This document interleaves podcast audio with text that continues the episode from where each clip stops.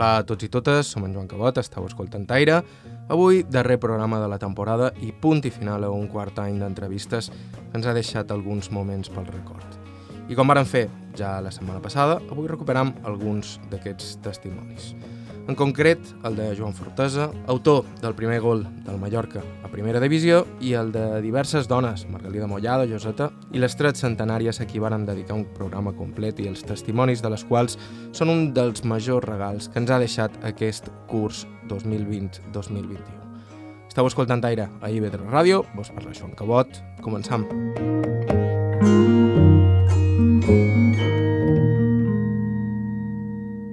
Ho feim amb Margalida Mollà de Lloseta. A Margalida de Mollà la vam entrevistar a finals de l'any 2020.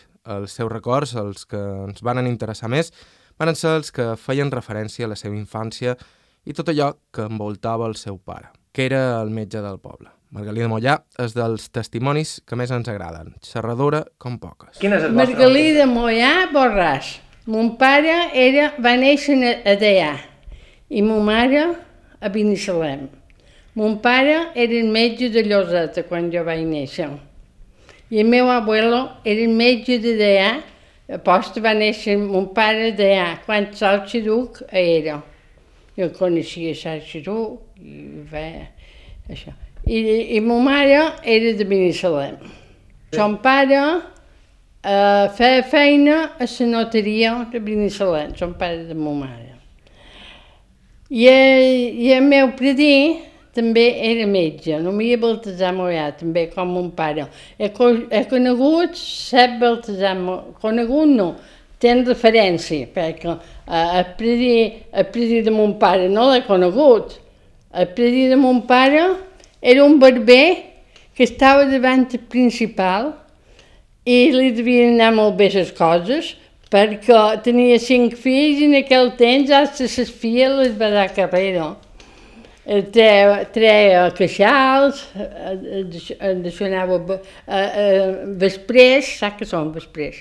Perquè aquests joves no sabeu moltes paraules, jo les cerc, i la meitat de paraules no sabeu què se diuen. Vesprès són un gran que sortien, ara no n'hi ha perquè sabeu que en la penicil·lina, moltes malalties, que sortien per escoll, per darrere escoll, eren un granots així, principalment en els homes, i les havien de xapar. Igual que les ventoses, sap que eren ventoses. També posaven ventoses quan tenien la sang alta per baixar la sang. I, aquest, i el meu repredí, repredí, ho feia. I estava, a fins ara s'ha conservat allà on tenia eh, la barberia, però ara ja fa un parell d'anys la van esbocar. En el cap de cantó, ben davant el principal, hi havia com un, ha un, un de dueres ara, però hi havia com un entresuelo que era allà on estava. El predi, el predi meu era metge i se va morir l'any del grip, l'any de nou, quan hi va haver aquella gripada.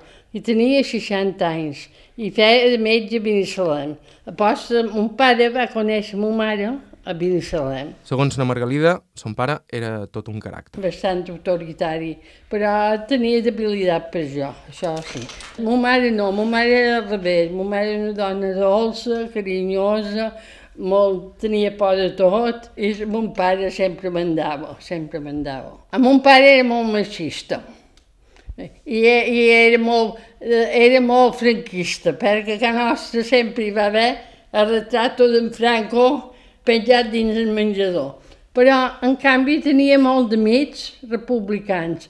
I quan se va estallar la guerra, a Lloseta no varen matar ningú, perquè mon pare i l'ecònomo varen fer costat a tots els que eren republicans.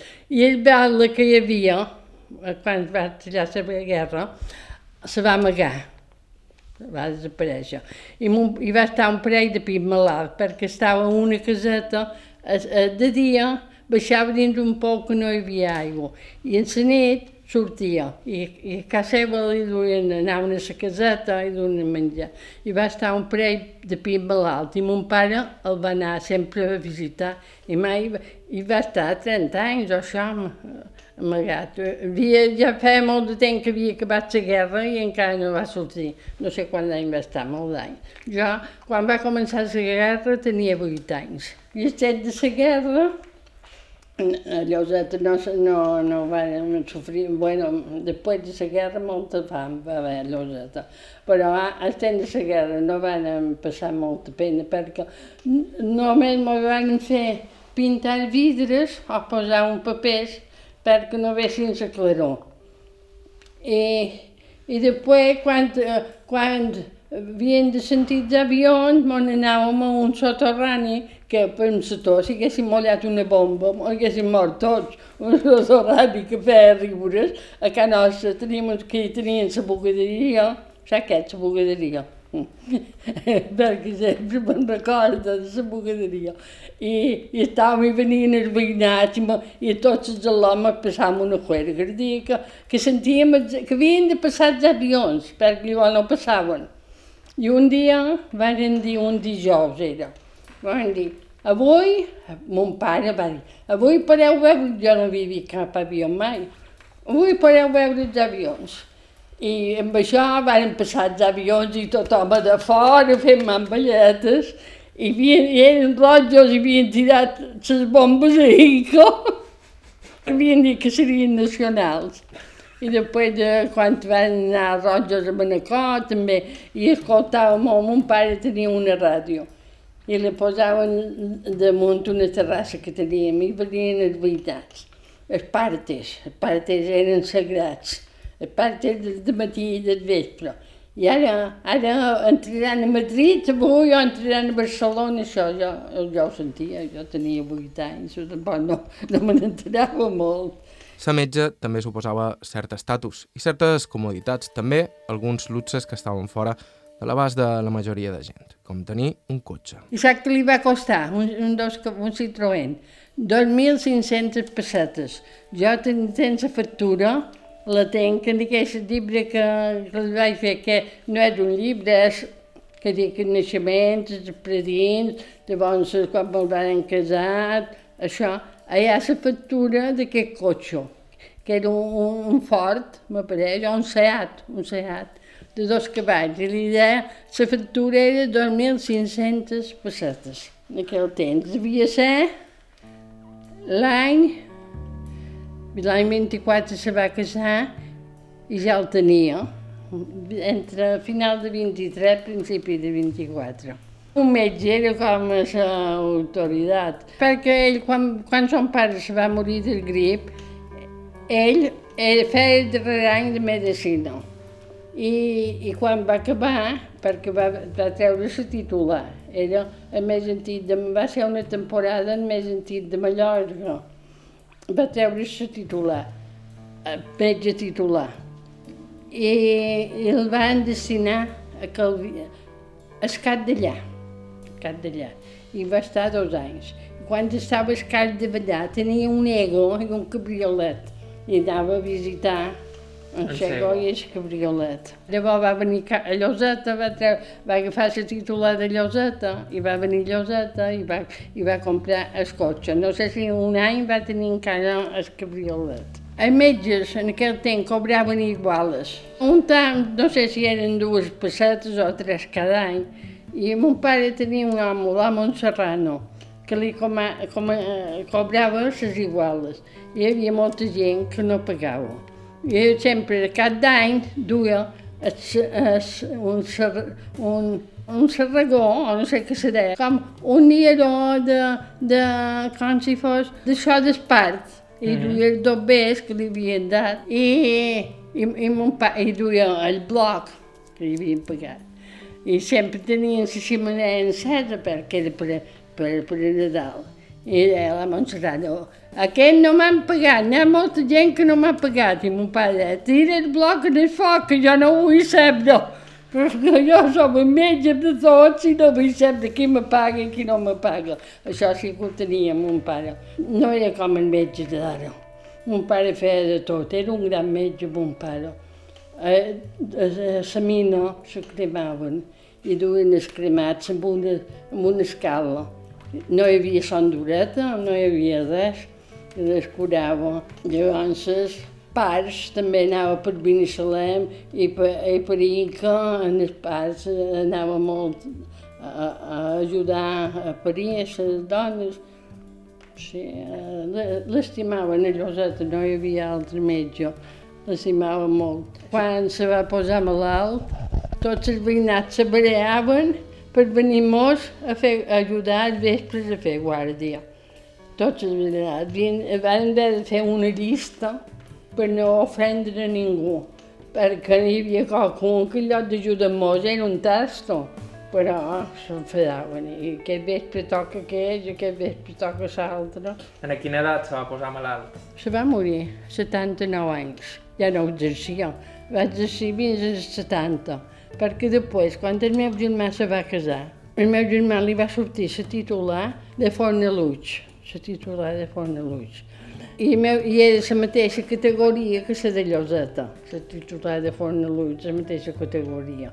I mon pare, llavors, perquè festejava una de llosetes, la predina de la, de la Catalina, perquè vengués a Lloseta, li va, va bretar la, la titular. Ells, mon pare no hi va anar mai, va agafar la de Font de Lluç i el meu germà va venir a Lloseta i els metges de Solla li feien els servicis a mon pare.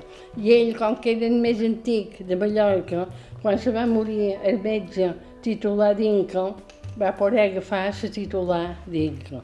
Però tampoc no va exercir mai a Inca. Inca només anava a fer autòpsies i a, i a filmar els partes, perquè un metge jove li, li feia. Venia molta gent, moltes parelles que se bareaven, venien a, a mon pare que, que ho arreglàs i, i, i les, les feia qualque grosseria a mon pare. I un, un dia va venir, un, quan sopàvem, perquè hora de sopar de dinar sempre venien.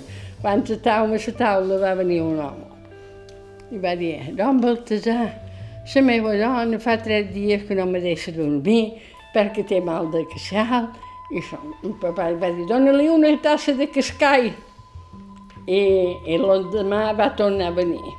No vam Baltasar, to, no ha dormit de tota la nit. I dona dues, dues tasses de cascai, saps què és cascai? Eh, droga. I però les farmàcies en venien, tenien un caixó que se deia cascai, jo me'n recordo quan era petita. I l'endemà va tornar a venir. I diu, Don Baltasar, la meva dona no se despert. Diu, i què vas fer? Diu, n'hi vaig dar tres perquè estava avorrida. I un altre també, quan van començar a venir supositoris, no, perquè cada dia de matí a casa nostra venien malalts, hi havia molt, tots malalts.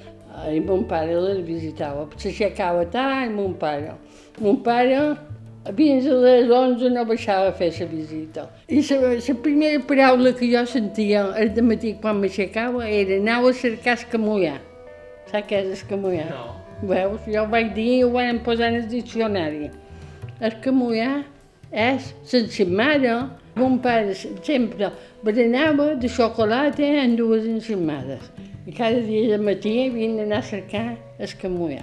Jo va venir en el despatx un, un home que tenia angines i el papa li va receptar supositoris. I aquell home no li passaven les angines.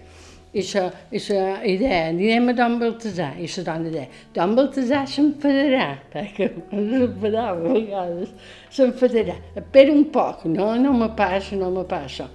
I llavors vàrem venir, i papà va, va dir que no li passava. Diu, don Baltasar, duia supositori posat amb un mocador en el coll. I, i, i, i, no li ha fet res, aquests tres dies no... I el papà va dir, en el cul s'havia de posar. I aquella dona va dir, ho veus, ja te deia que don Baltasar s'enfadaria. Era Margalida Mollà, 93 anys, nascuda a Lloseta, el primer dels diversos testimonis que vull rescatar dels que hem escoltat aquesta temporada que avui acabam. Fem una breu pausa i continuem.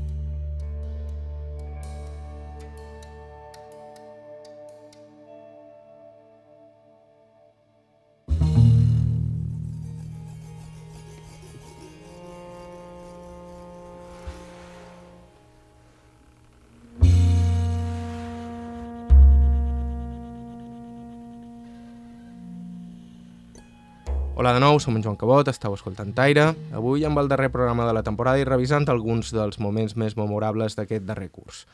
Un d'ells, el moment en què vàrem entrevistar l'exfutbolista Joan Fortesa, autor del primer gol del Mallorca a primera divisió i pollenci de pro. Som en Joan Fortesa Bennassa, que va néixer en, com dèiem, en bon pollencer, en un moll de Pollença, l'11 d'abril del 34. Els meus pares tenien una carnisseria a Pollença i també una altra en Port de Pollença. Per això, per això jo vaig néixer en un moll de Pollença. Molt petit, molt poca gent hi, hi vivia.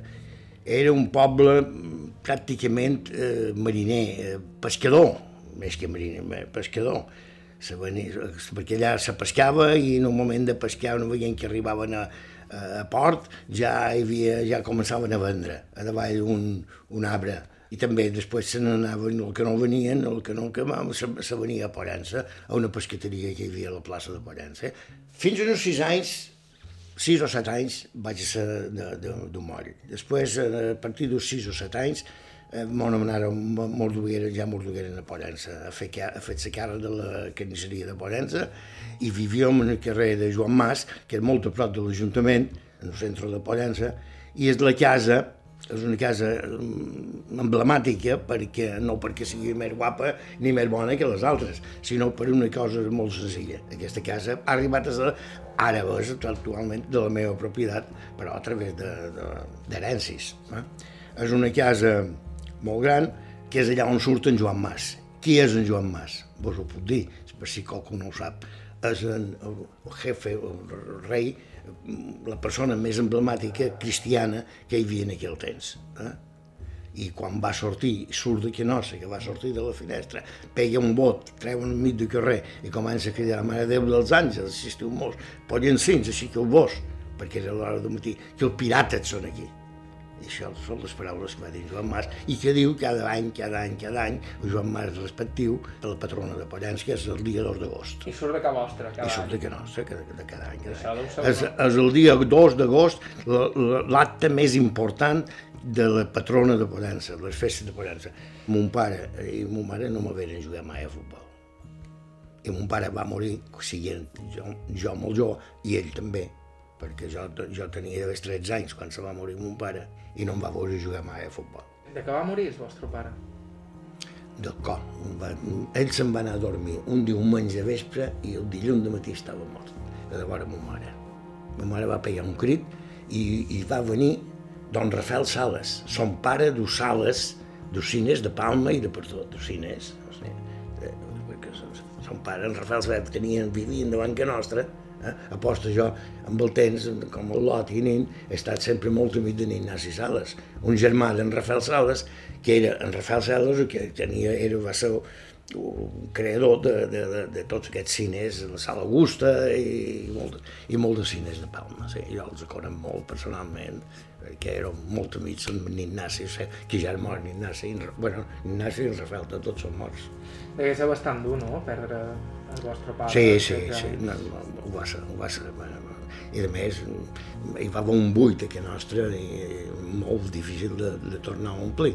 És normal que eh, teníem un, un familiar, un cosí d'un pare que va ajudar bastant eh, i, i, en fi, i, i, i, i sortirem endavant, perquè un meu germà, a mesura que va créixer, va néixer dins d'aquella carnisseria i amb aquell ambient, i el verdader carnisser que nostra va ser el meu germà, i el verdader impulsor de, de la carnisseria de moll i això va ser ell. Eh? Va ser ell, la seva feina i les seves ganes de, de lluitar. Que nostre tenien la me, ma mare i la, i la seva sogra, que visqueren juntes, la Pradina, que li deuen, perquè totes dues eren viudes, eh? el pare ja havia mort, muntaren una, una bodega, un, que, que servia amb begudes, perquè van posar, jo recordo que a nostra hi havia moltes botes clavades, pengem posades a la fatxada, eh, bueno, la fatxada de, de, de dins la casa, i, i, i venia amb un, un tassonets de vins, virols, eh, conyac i jo què sé, eh, coses d'aquestes. Eh? I, I així eh, aju- ajudaven en un, a les hores i moments que, que la carnisseria ja estava tancada. I vespres que nostre venien homes i gent a, ven- a veure i, i, i nosaltres també ajudàvem. dir-lo que podien quan, tant el meu germà Pep com jo. No hi havia taules, ni res, s'havia de veure de, de, de dret, perquè no estiguessin allà molt de temps. Eh? I era al costat de la carnisseria, que encara existeix i és perquè hi viu la meva filla. Ma mare, com que vivia amb la seva sogra, la que manava i que mandava i que menjava el cotorro era la, la predina, que deia l'abuela. I ma mare era una dona que amen, amen, i molt tranquil·la i que no li, no li posaven molt de lió. Ella feia la feina de la carnisseria, que la feina despatxava i tallava i molt bé, i, i no, però era una dona molt tranquil·la i molt, una viuda molt, molt, molt bona dona, molt bona dona. Ara, l'abuela, la predina, era un caràcter, i més ella sabia allà, eh, que, que era la jefa, pues mira, dinava bé. Sí, sí, la predina Francisca, una amiga Francisca. Francisca Morro Berga. I què et trobava de que el net jugués tot el dia en la pilota?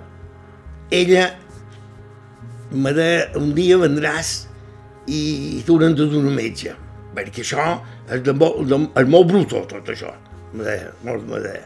Però estava tota contenta de, de, de, de llegir, perquè llegia el diari, eh, si, si, sobretot si me destacava, no sortia una foto meva. Eh? Quan ja, me refereix que quan jugàvem a Constància, almenys. Eh? I més llavors és amb el Mallorca. A ma mare jo li fosia sí perquè me n'anava a jugar a futbol. Jo vaig sortir del carrer de Pollença. Vaig jugar amb el Pollença, sí. Però jo va, on vaig sortir va ser en un carrer de Pollença que, que muntàvem un, un, un partidet quan sortíem d'escola, muntàvem un partidet, un jersei un, per fer una porteria, un cantó, una part, i fèiem una porteria i jugàvem fins que venia un municipal, un sereno que li deuen Pollença que és un municipal, i quan venia Sereno me n'anàvem escapar, perquè si no... Eh?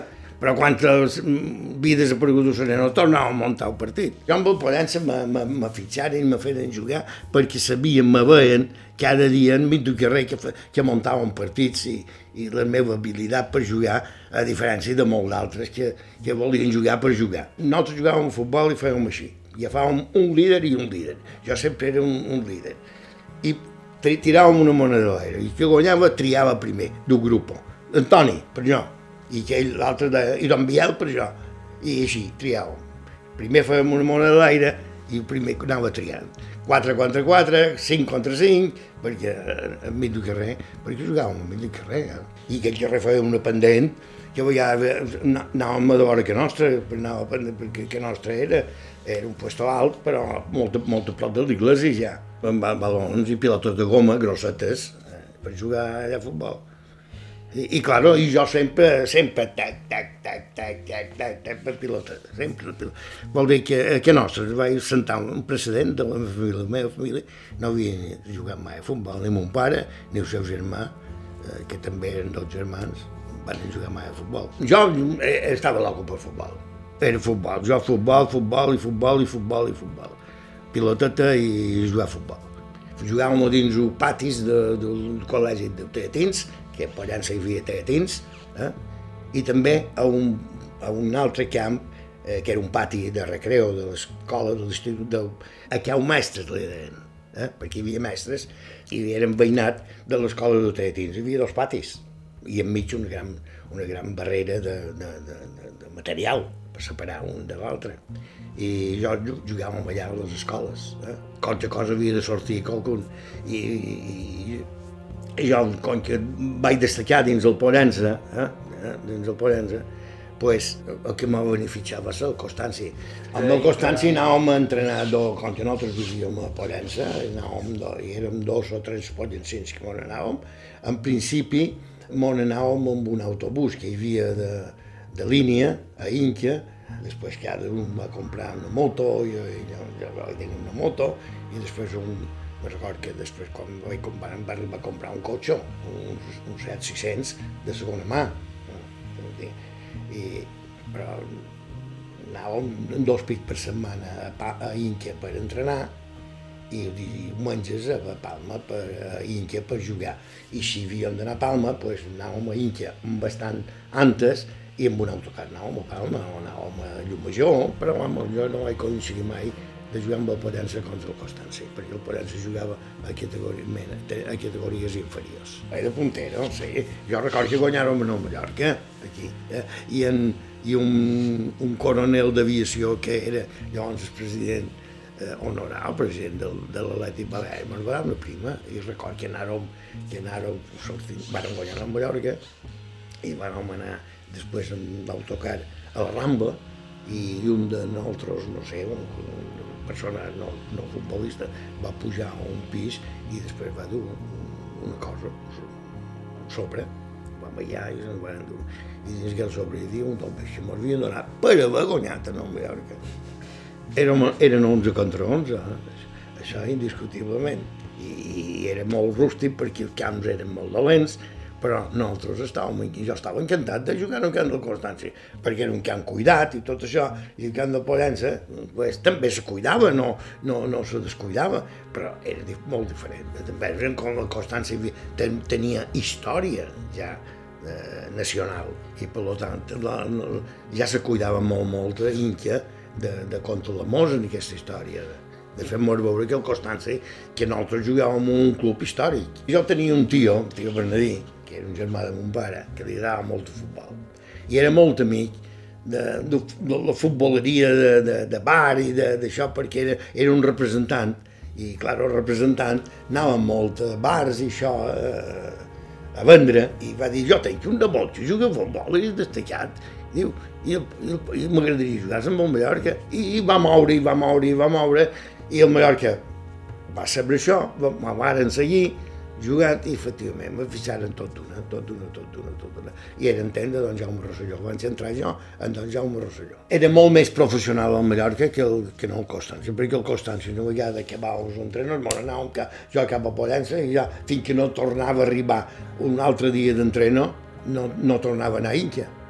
I a Inca, quan havíem de jugar, eh, m'ordena a les 12 aquí, que a, les dues han d'agafar autocar i m'ho han d'anar a la Soledat, per exemple. Això no Constància. Ara no a Mallorca, no, a Mallorca eh, ja entrenaven cada dia, cada dia, cada dia, i clar, jo hi va de venir Palma. Ens fèiem entrenadors professionals entrenadors professionals, perquè hi havia un entrenador, un entrenador, un ajudant d'entrenador i un massatgista. Era un canvi total, sí. Va ser un canvi gros. A més, jo vaig jugar sempre. Vaig jugar el primer partit fins al darrer tots els partits i, clar, eh, jugar perquè també hi havia dos jugadors, en, en Jofre i en Morro, que, que eren dos puntes que són els que feien gols, teníem un bon equip, però després del jo, jo era màxim goleador després del dos. Eh? Vaig fer molt de gols i, i, i sempre vaig estar a Mallorca. Me record que una, un any, que, que no, no sé, fer-ho una mala temporada, el president en Jaume Rosselló va donar de baixa a tothom. Només varen quedar en Magí, que no era titular, en Magí, que era un lot de Manacor, i jo. Dos jugadors van fer un altre equip, una altra compostura d'equipo de, amb aquests jugadors nous que havien fitxat. Uh, jo, per exemple, perquè jugàs a Cots, a vegades me van fer infiltracions aquí dins la Ingle. Eh? Que jo, jo, jo no ho podia veure. Oh. I te feia mal, te feia mal sobretot quan te ponien. Eh? A, a mi em feien jugar lesionat i tot, a vegades i, i, i vaig jugar tot uns 90 minuts, eh, a més. Jo era un jugador important, per, no cal dir-ho, no ho dic en sentit pejoratiu, sinó perquè era vera. La prova que jo eh, quedava dins l'equip, em fitxaven per dos anys i me renovaven per tres més, per exemple. Diferents directives.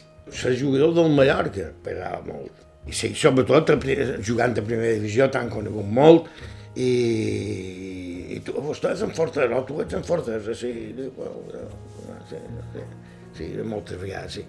I, qualsevol vegades, qualsevol vegades t'han de dar conèixer també. Eh? No són futboleros, te trobes en gent que vas a comprar, perquè vas a, quan érem que anàvem a les Canaris, això, que compràvem moltes coses per, de regal, allà ningú te coneixia, eh? o Ceuta i Melilla i tot això, perquè hem anat per tot. I com era jugar contra, contra el Barcelona, contra el Madrid, a primera divisió en aquells anys?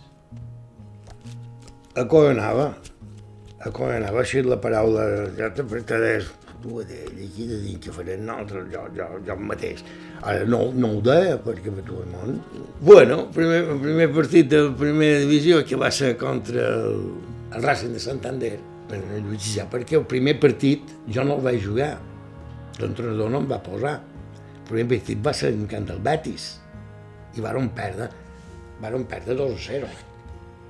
I jo record, record, que el dimarts següent d'haver perdut, va ser un diumenge a Sevilla, vam perdre Sevilla 2 a 0, quan vàrem arribar a, a vestuaris, quan en Lorenzo, l'entrenador, en Carlos Lorenzo, que no m'havia posat ni m'havia duit a Sevilla, jo no hi vaig anar, i vam perdre 2 a 0, pues m'allafa i me diu, venga, anímate, arréglate a, y a trabajar, que el domingo vas a jugar. Em va dir això. I no només va, va jugar, sinó que va fer un gol amb el Racing, ser un centre d'en Julià, d'en Julià Mir. En Julià Mir va venir aquest any a jugar amb nosaltres tenint ell de 8 anys. Jo ja en tenia 23 o, o 24, que és el que li guany a ell d'en anys, a en Julià perquè sempre se cuida de diets i elles, i me demanen, tu vas fer tu el primer gol? Diu, però no, jo, jo vaig entrar, ja se cuida ell de, de sortir. Dic, i, i, i quan jo li dic, bé, jo ja digues, que, digues el que has de dir, ja li dic, i diu, home, ja vas a centre meu. Estava, estava, estava la foto se veu, estava ple, ple, ple, ple, ple de gent, eh? ple de gent. Primer partit a primera divisió, i va venir Racing de Santander. El varen dominar en el partit, el varen guanyar bé, en un partit.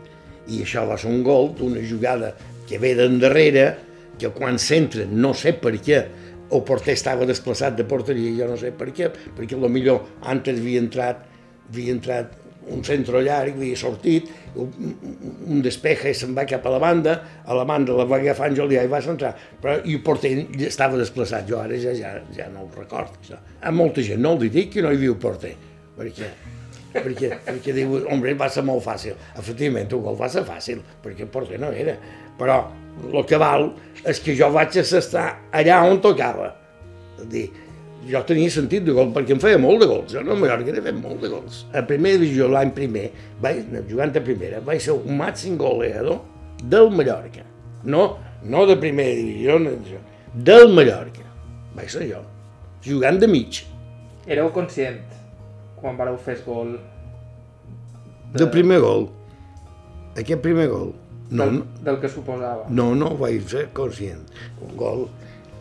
Un, un, un gol eh, és una alegria immensa, és una satisfacció immensa. El que passa és que dura molt poc perquè, perquè has de seguir jugant. Eh?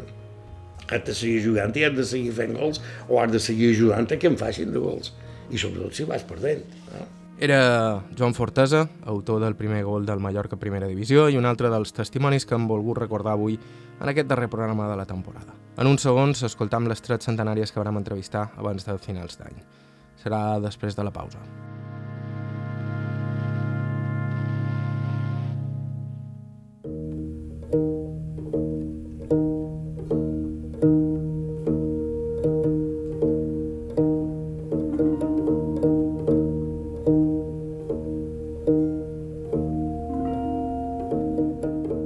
Nou, estàu escoltant Aire a IB3 Ràdio, darrer bloc del darrer programa de la temporada, un darrer programa que hem volgut dedicar a algunes de les veus que més ens han impactat o alguns dels testimonis que més ens han agradat al llarg d'aquest quart any en antena.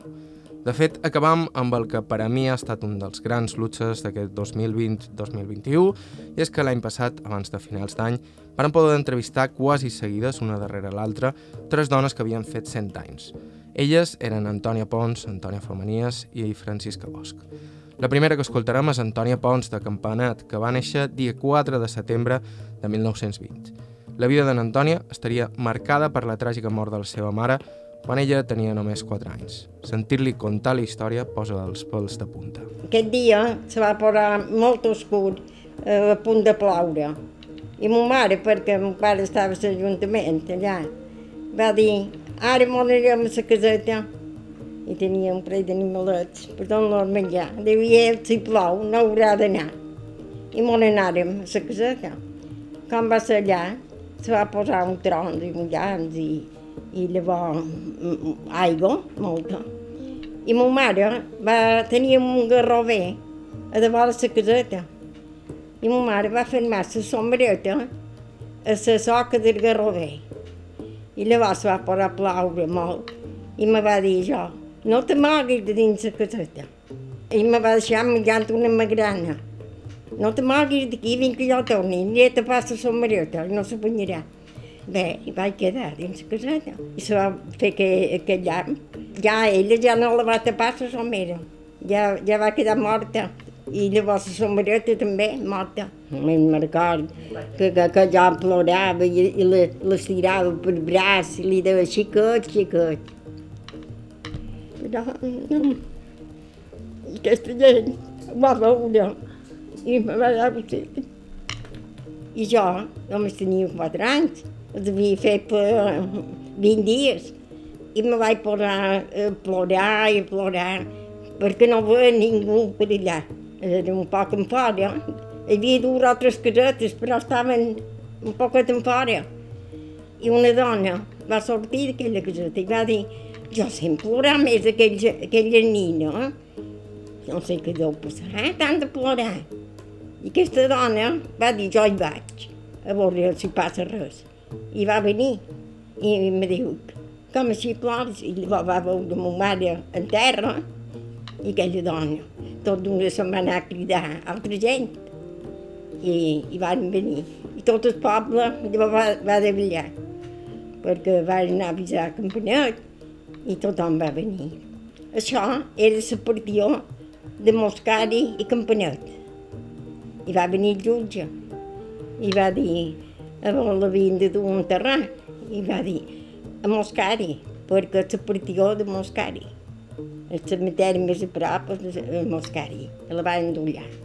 I 24 de setembre va morir, i jo dia 4, havia fet els anys. Mon pare me va dur a casa Pretina, a casa mare de mon mare.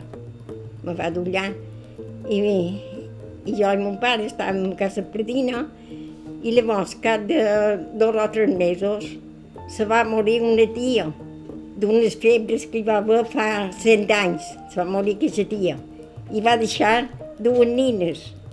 Una que tenia, no havia fet els tres anys i l'altra set mesos. I llavors la predina va haver de recollir mon pare, el tio, que és, que era un fill seu, i tots vam anar a casa predina. Una dona molt bona dona, allà en aquell temps podia, tenia i podia. Encara sempre feia llimoses a, a, a, a altra gent. Jo sempre li deia, que dic, ell vol sempre donar coses. Diu, val més donar que si m'han de donar. És molt bona dona. És cap de temps, cap d'un parell d'anys. Mon pare va dir, he pensat de casar-me, però llavors feina, perquè tres, tres infants i, i dos, dos d'ells, li vaig pensar que amb mi volia venir feina.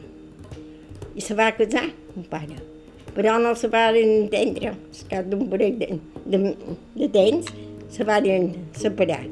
Ja me vaig tornar a casa Predina i mon pare se m'anà a Buenos Aires. Quina edat teníeu quan el vostre pare es va tornar a casar? I jo no ho sé, quan tu en tenia 6 o 7, jo no ho sé, era petita, no me'n record jo ara. I mon pare llavors se'n va anar a Buenos Aires. I no veure la, la que s'havia casat, se'n va anar i me va deixar a casa Predina. Va, va venir un parell de vegades. Dues vegades va venir, almenys. Antes de jo combregar, va venir i me va fer el regalo. I me va dir, ho sents, ara me n'he d'anar perquè no puc estar aquí. I se'n va anar. I me, me va regalar un rellotge i unes orquilletes d'or un parell de coses. Se'n va anar allà. I el cap de temps me va enviar dos bes. Llavors volia que jo me n'anés allà, a Buenos Aires. Però van pensar perquè els meus sogres me'ls van dar la terra i això, i ja m'hi tornat un poc bé, més vells, o més majors. I va dir, me bon, què hem de fer, que hem d'anar o no? I jo vaig dir, voldria més que el vengués, me'l volia tots. I ara nosaltres vam anar d'allà, allà, i llavors, havia d'anar en barco, i havia de estar un mes. un mes per anar i un mes per tornar, quasi que no podíem estar allà. I ja no me la vam anar. I jo li vaig dir que ell vengués, perquè mon pare me volia enviar dos bes per, per el món. Jo li vaig dir, no, trobo que vos convé més venir. Però llavors va posar malalt i ja no va venir, se va morir ja. Llavors aquell altre tio, també, al cap de set anys, també se va tornar a casar. I vaig quedar jo a casa Predino, dins que me vaig casar. Vaig estar amb ella, però ja havia tornat de molt major i fixava que me casàs, perquè me volia veure casada. I me vaig casar, però la guerra, era el temps de la guerra, i quan se va casar, se, se va acabar la guerra, llavors se'n van casar molts. Jo també me vaig casar. Ja festejàveu quan va començar la guerra? Ja començava a festejar, sí. I va durar de, de, de 27 anys, va acabar va ser llarg, això. Cada vegada que se n'anava, era dir, una hora que allà on fos, era que s'havien rendit. La guerra no hi va anar, va anar cada vegada. Llavors a poble de casada encara va haver d'anar una bona temporada a la poble. Era Antònia Pons, de Campanat, nascuda el 1920, i aquesta és Francisca Bosch, nascuda a Solla aquell mateix any, filla del responsable de la fàbrica de gas i electricitat del poble. Vaig néixer a, a la fàbrica de gas i electricitat de Solla, perquè mon pare havia estat recorrit per unes calderes que havien instal·lat a la fàbrica de gas i electricitat. I com que la ca nostra era l'altre cap de poble, i quan eh, havia d'anar d'un puesto a l'altre, pues, era, era, havia de travessar tot el poble.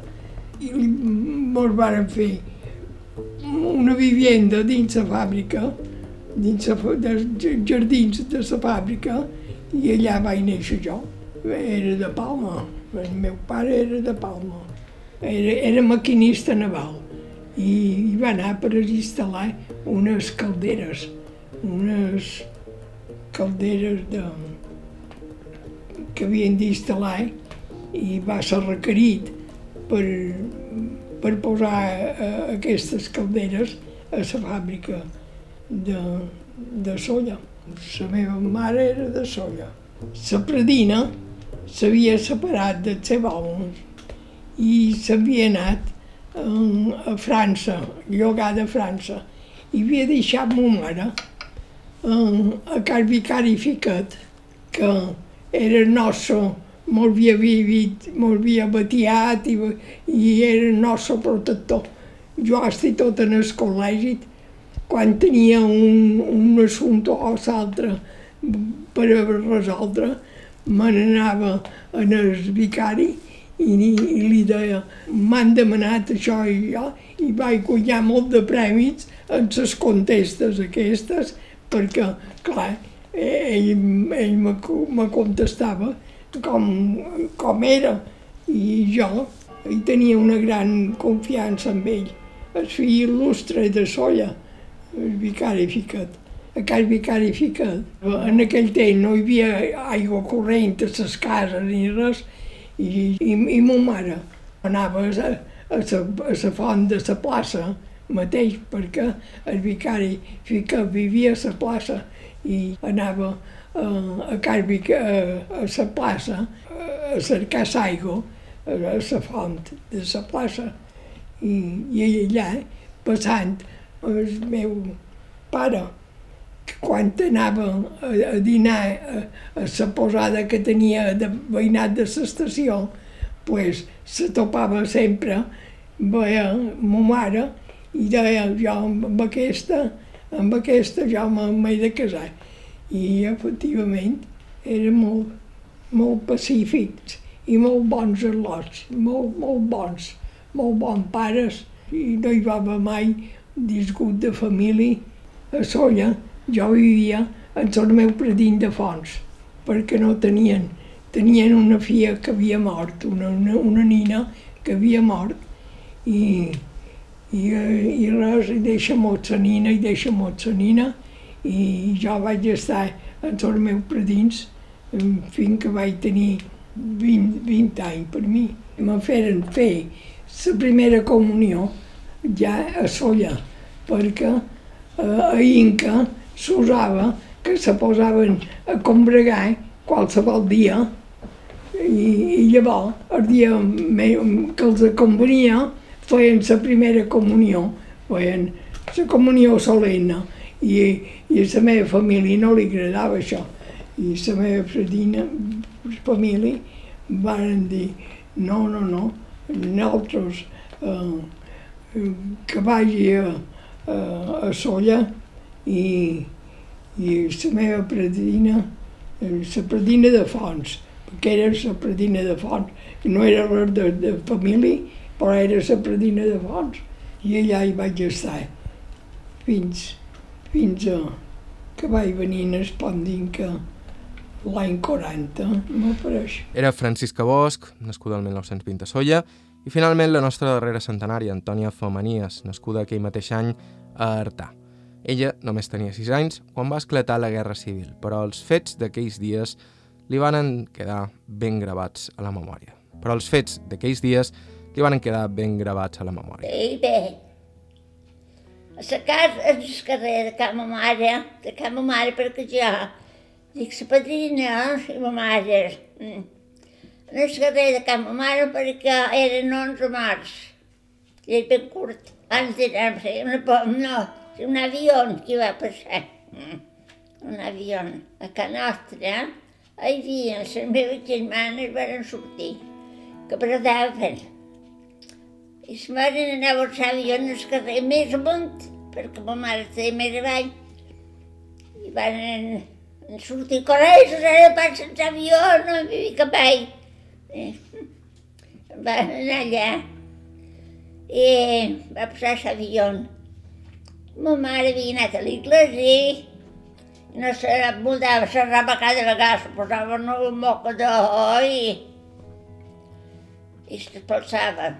I teníem un matrimoni xarc que havíem pres perquè passant les veres ja havien d'arribar els rojos. I bé, perquè no els fessin mal, vengueren a Canossa perquè era un veïnet de ma mare de fora de vila. Ja s'acostava els rojos allà. I vengueren i se van posar a Canossa. Era gran. I se n'anaren de soterrani, el dos. Aquests homes, ells dos, no van tenir res. El 1936 en Antònia ja havia perdut son pare, que de fet havia estat batlle d'Artà, i la seva mare es va haver de fer càrrec del negoci familiar. El meu pare era ferrer, feia de ferrer. El que llavors se va posar, se dedicava a fer vi. Hi havia una dins la casa que diguéssim, una cotxeria, era una ferreria, però va morir molt jove, a 40, a 42, anys va morir. I llavors ma mare va prendre les rientes i ho va treure, va anar a Barcelona, i que ja anava amb mon pare, li va dar un pal de mà i va treure el carro. De què va morir? D'una... deixant l'estómac, d'una... no curava, llavors, una hemorràgia a l'estómac va morir. I ma mare encara tenia sogra, una, un tio vell, i dues ties també vells, fadrines, tenia tot això. I ja vaig estar a la fadrina. Ma mare, no hi Antònia, també, era de fora vila. Ah, però la que vivia ja per allà, ella va, ah, eren bocines de terra, que la gent hi vivia. Ma mare va ser una dona de ferro i era sorda com una massa. No hi sentia? De bé, però no, no, no, no. I va tenir una mitja també, que no anava a missa ni a ell res. No. Però un home que apuntava tot el que pesava, no apuntava. Ma mare apuntava, però ell no. Quan passaven comptes, no xerrava ni de, ni de res aquell home. De coses grosses. Bé, el vaig ajudar a setmana. Que estava també en feia i ajuntaven per tenir un poc més, s'ajudaren. I aquests amics de mon pare també li donaren aquests amics que anaven, ja devia ser que, que devien fer com un grup, oh, devien voler fer qualque cosa. Que llavors aquests homes venien a, xerrar amb ma mare i, això és que li devien dir com ho podia fer, ah no. Mos posaren, s'ha posar a fer vi. Mi feien vi per les ingleses, vi de missa, per tots aquells pobles ingleses i per tot, venien a cercar-lo vi de missa, que bullien. Ma mare se'n cuidava. A la nit ballàvem un poc, un vespre, un poc altre, tota la temporada que bullíem allí. Germanes, cinc germanes, cap germà. I vos éreu la petita, la gran... La del mig sempre feien la padrina ja, perquè per mi tenien els altres passos i molt de vells. Ah, ma mare tenia de més cinc vells. I tot l'altre un darrere l'altre de dos, m'orgonyaven de dos anys. I, i la padrina d'Arça ja la m'enduré un poc. I la salva, i jo em vaig anar i vaig estar 22, 21 anys per se morir. Només que vaig estar amb la padrina tant d'anys totes soletes. Nosaltres dues totes soletes. Molt bé que estàvem, però jo a la nit, de dia sempre vaig estar amb ella, fins que se va morir. La dreta allà, i vaig estar de petitona, que me llevaren a segur perquè l'altre havia de néixer darrere, que aquelles penses. I ja vaig posar amb la padrina, llavors la padrina se va casar l'altra filla, i jo vaig quedar allà, eh? Ja anava a quedar-se cada dia, a vegades dinava, baratàvem. I en el 22 me vaig casar i vaig venir aquí, a Brunyola. I com era Artà llavors? Oh, res, el poble antic, molt de fora Vialets, una caseta de fora Vila, i n'hi havia que hi vivien sempre, i n'hi havia que no. Les dones feien lletre, hi havia brodadores, però pel camp a fer feina així no hi havia, no, no anaven com ara Punyola, van a cuir oliva, anaven, ara no hi van, hi anaven.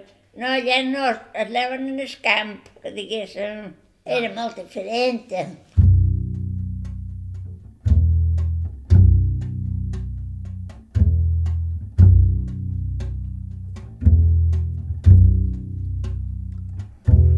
I fins aquí el programa d'avui i fins aquí aquesta quarta temporada d'Aire. Partim de vacances, tornarem amb nous testimonis i una nova temporada al setembre. Fins llavors, vos recordam que sempre estem cercant testimonis interessants i que si ens voleu suggerir alguna entrevista ens podeu enviar un correu a aire.ivetresradio.com o bé deixar-nos un missatge al 971 13 99 31. Recordeu que vos podeu subscriure al podcast d'Aire a qualsevol dels agradadors disponibles, on també hi trobareu tot l'arxiu del programa, així com a ib3.org barra carta. La música que ha sonat avui gairebé tota aquesta temporada ha estat de Joshua Abrams, Marisa Anderson i Jim White, Jacob Bro i Chris Speed Trio. Bàrbara Ferrer, la producció executiva, us ha parlat. Joan Cabot, gràcies per ser a l'altre costat, que passeu un bon estiu i fins setembre.